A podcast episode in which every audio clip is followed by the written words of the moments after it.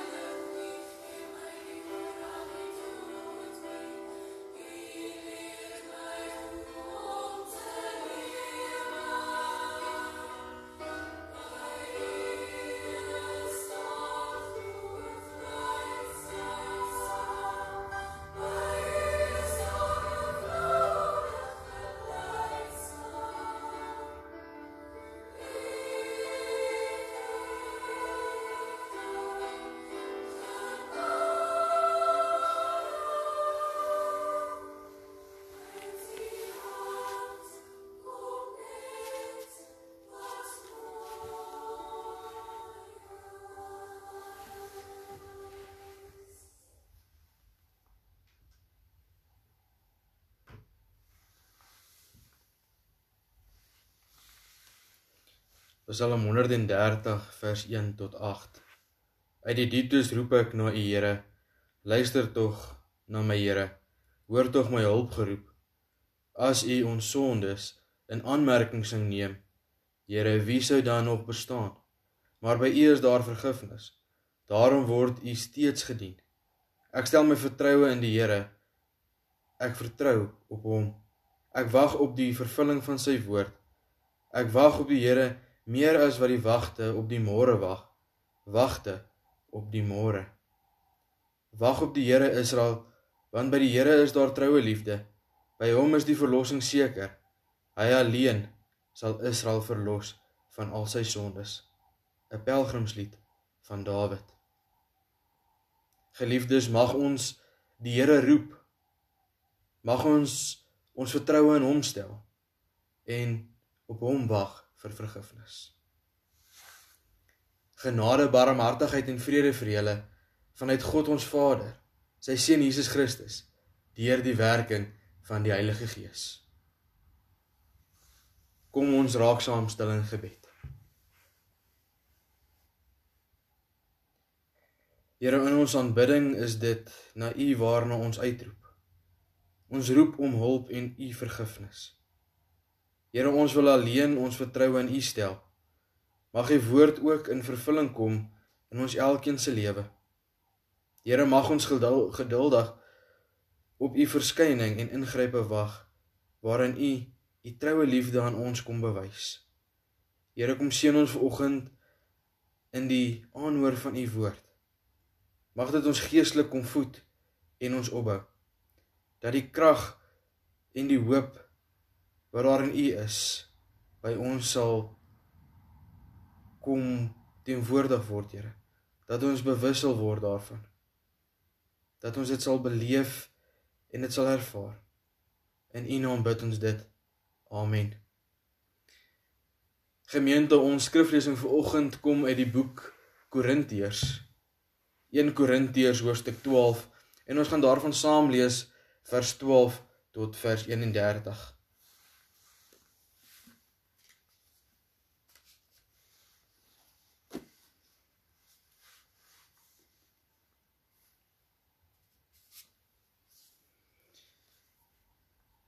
Die gedeelte se opskrif is een liggaam met baie lede. Net soos die liggaam 'n eenheid is en baie lede het, En soos al die lede saam al is hulle baie een liggaam vorm, so is dit ook met die liggaam van Christus. Omdat ons almal een liggaam geword het, is ons almal met die een gees gedoop. Of ons nou Jood of Griek is, slaaf of vry, ons is almal van die een gees deurdrink. Die liggaam bestaan ook nie net uit een lid nie, maar uit baie. As die voet sou sê, omdat ek nie 'n hand is nie, is ek nie deel van die liggaam nie. Hou hy om die rede tog nie op om deel van die liggaam te wees nie. En as die oor sou sê, omdat ek nie 'n oog is nie, is ek nie deel van die liggaam nie. Hou hy om die rede eweniens nie op om deel van die liggaam te wees nie. As die hele liggaam oog was, hoe sou hy kon hoor?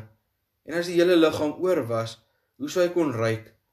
Maar nou het God die lede, elkeen van hulle afsonderlik, en die liggaam gevoeg soos hy dit wou hê. As almal saam net een lid was, hoe sou daar 'n liggaam kon wees? Nou is daar wel baie lede, maar net een liggaam. Die oog kan nie vir die hand sê ek het jou nie nodig nie. Die kop kan weer nie vir die voete sê ek het julle nie nodig nie. Inteendeel, die lede van die liggaam wat as die swakste voorkom, is juis noodsaaklik.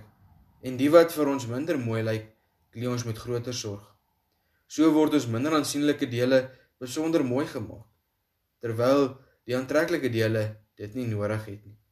God het die liggaam so saamgestel dat hy groter eer gegee het aan die lid wat eer kort kom. Sodat daar nie verdeeldheid in die liggaam sou wees nie.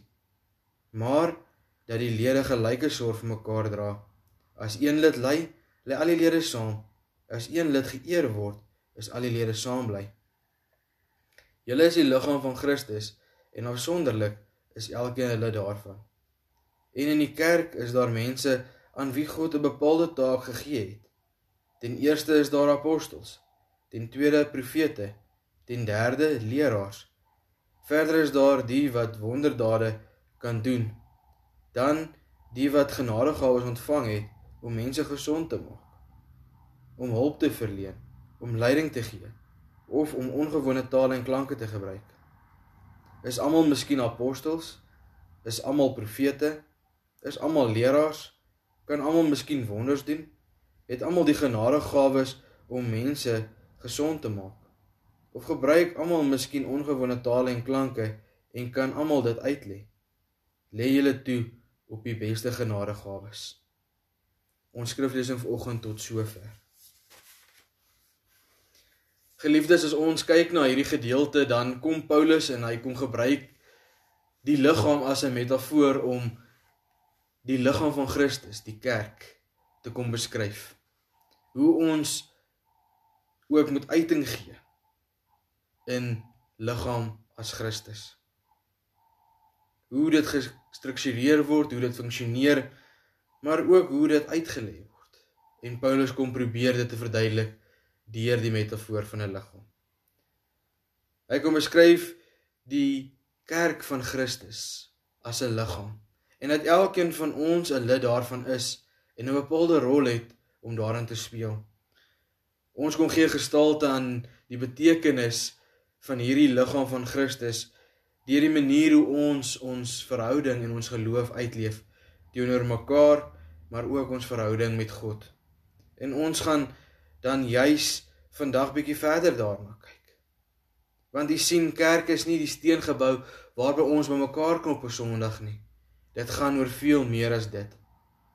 Die plek waar ons bymekaar kom op 'n Sondag is bloot 'n plek waar ons mekaar kom om gemeenskap met mekaar en God te hê terwyl ons daar ook God omsoek en kom aanbid.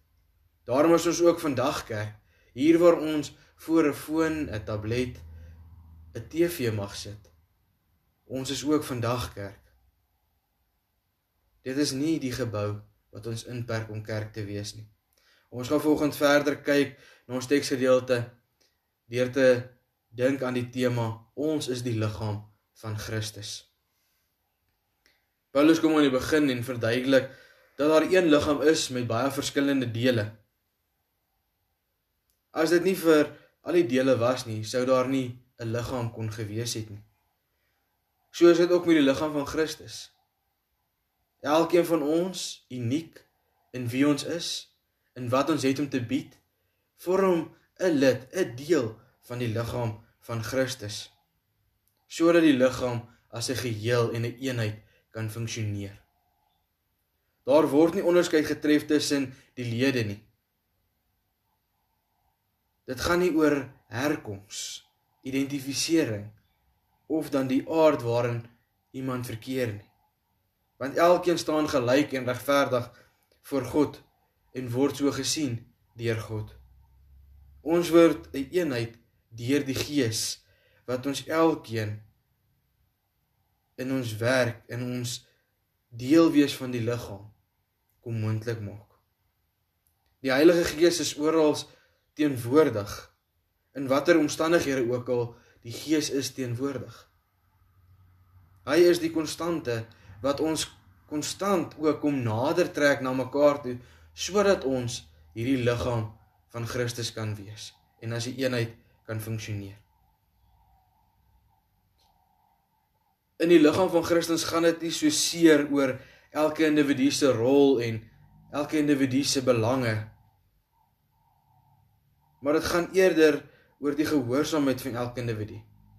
Oor sy of haar funksie wat verrig moet word in die groter liggaam wat daar gestel word. Sodat dit reg kan funksioneer. Sodat dit goed kan funksioneer. Sodat God daardeur verheerlik kan word. Een lid staan nie bo ander lid uit nie. Elke lid is gelyk. Elkeen het sy regmatige plek in die groter liggaam. Niemand hoef dus minderwaardig te voel of te voel ek is nie goed genoeg nie. Of voel ek is uitgesluit in die funksionering van die liggaam nie. Geliefdes, ons het mekaar nodig. Want ons funksioneer na mekaar toe met 'n groter doel om liggaam van Christus te wees. Dit is belangrik om te hoor dat dit God self is wat die liggaam saamgestel het soos wat dit dan op die einde van die dag ook uitspeel. Dit is hy wat ons saamgevoeg het in ons uniekheid, in ons spesifieke manier van dien, van deel wees van die liggaam. Daarom hoef ons nie jaloers of afgunstig op mekaar te wees nie, maar besef ons Ons het mekaar nodig. Dit vra en verwag van ons om God en onsself beter te leer ken. Sodat ons elkeen ons eie unieke rol en funksie kan leer ken en daarvan bewus kan wees. Dat ons dit kan vertolk en kan uitleef soos God dit van ons verwag elke dag.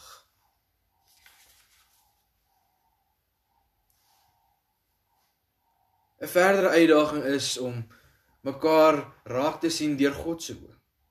Want dan sal ons besef dat elke lid in die liggaam ewe belangrik is. Ons het elkeen nodig om sy of haar funksie te verrig. Anders funksioneer die liggaam buite verhouding en moet ander lede intree. Buite hulle eintlike ruimte waar hulle moet dien en deel wees. Dit help nie as iemand nie deel is van die liggaam en sy rol vertolk nie. Die liggaam ly dan 'n gebrek in sy funksionering. Omdat daar nie harmonie en 'n gelykheid heers met gehoorsaamheid nie. Ons moet ook hoor dat ons gelyke sorg vir mekaar moet dra. Vers 26 vat hierdie aksie baie goed saam. Daar staan as een lid ly, ly al die lede saam. En as een lid geëer word, is al die lede saam bly. Paulus maak dit van toepassing op die mensdom wat liggaam van Christus is. Deur uit te wys dat elkeen 'n bepaalde genadegawe van God ontvang het en ons dit afsonderlik so moet uitleef. Omdat ons elkeen 'n lid van die liggaam is en 'n spesifieke rol het in die funksionering en die uitleef daarvan. Geliefdes, ons sou vandag vir onsself kon vra, waar pas ek in die liggaam van Christus in? Dit is iets wat mens slegs kan ontdek deur God in ons lewe te soek, maar ook saam met hom op reis te gaan om sy wil vir ons lewe beter te leer ken. Dit vra gehoorsaamheid, geduld, volharding en 'n diepe soeke en verlange na 'n verhouding met God wat waarin ons sal groei elke dag. Mag ons deur hierdie gedeelte vandag besef dat ons elkeen 'n deel het om te speel, om te vertolk in die liggaam van Christus. Saam met mense reg oor die wêreld. Nie net in ons eie gemeente en gemeenskap nie, maar reg oor die wêreld het ons 'n rol om te vertolk want ons is liggaam van Christus. Nie vasgevang in 'n steen kerkgebou nie, maar liggaam van Christus. Oor grense heen vorm ons liggaam van Christus. Ons vorm die liggaam van Christus sodat die koninkryk van God mag kom. Op aarde maar ook eendag wanneer ons by hom gaan aansluit in alle ewigheid. Kom ons lei saam met mekaar in hierdie tyd. Maar kom ons wees ook saam mekaar bly in hierdie tyd want ons is aan mekaar verbind en saam uit eenheid deur God se gees. Amen. Kom ons bid saam. Here, dankie dat ons vandag saam as een liggaam rondom u woord mag stil word en opnuut kan hoor ons het 'n besonderse unieke rol en plek in hierdie liggaam van u. Here, kom vat ons aan die hand en ry saam met ons om te besef waar dit is waar ons onsself gehoorsaam moet uitleef. Here mag ons in hierdie dae meer en meer bewus word van ons eenheid ten spyte van ons andersheid. Omdat U ons deur die Gees saam bid tot hierdie eenheid. Geer dat ons dit sal beleef en sal besef en sal uitleef dat ons lewe daarvan sal getuig. Here mag ons saam mekaar ons vertroue in U kom stel. Saam lei oor die seer, die verlies, die uitdagings, maar ook bly wees vir redding, verlossing, genesing en voorsiening, uitkoms, hoop en troos in U. Here, wees by ons in hierdie dae. Trek ons nader aan U en gee dat U wil sal geskied. Here, hou ons veilig, beskerm en bewaar ons, ons geliefdes, medegelowiges, ons gemeenskap dorp, land en die hele wêreld. Ons kom pleit dit van U. Ons wil aansluit by Paulus wat sê so seker as ek lewe, sê die Here, vir my sê elke knie buig en elke tong sal bely dat ek God is. Aan U alleen die lof, eer en heerlikheid. Amen. Geliefdes, kom ons gaan leef in hierdie tyd as liggaam van Christus. Kom ons dra mekaar se laste. Kom ons lei en wees saam mekaar bly in ons uitkoms. Ontvang die seën van die Here.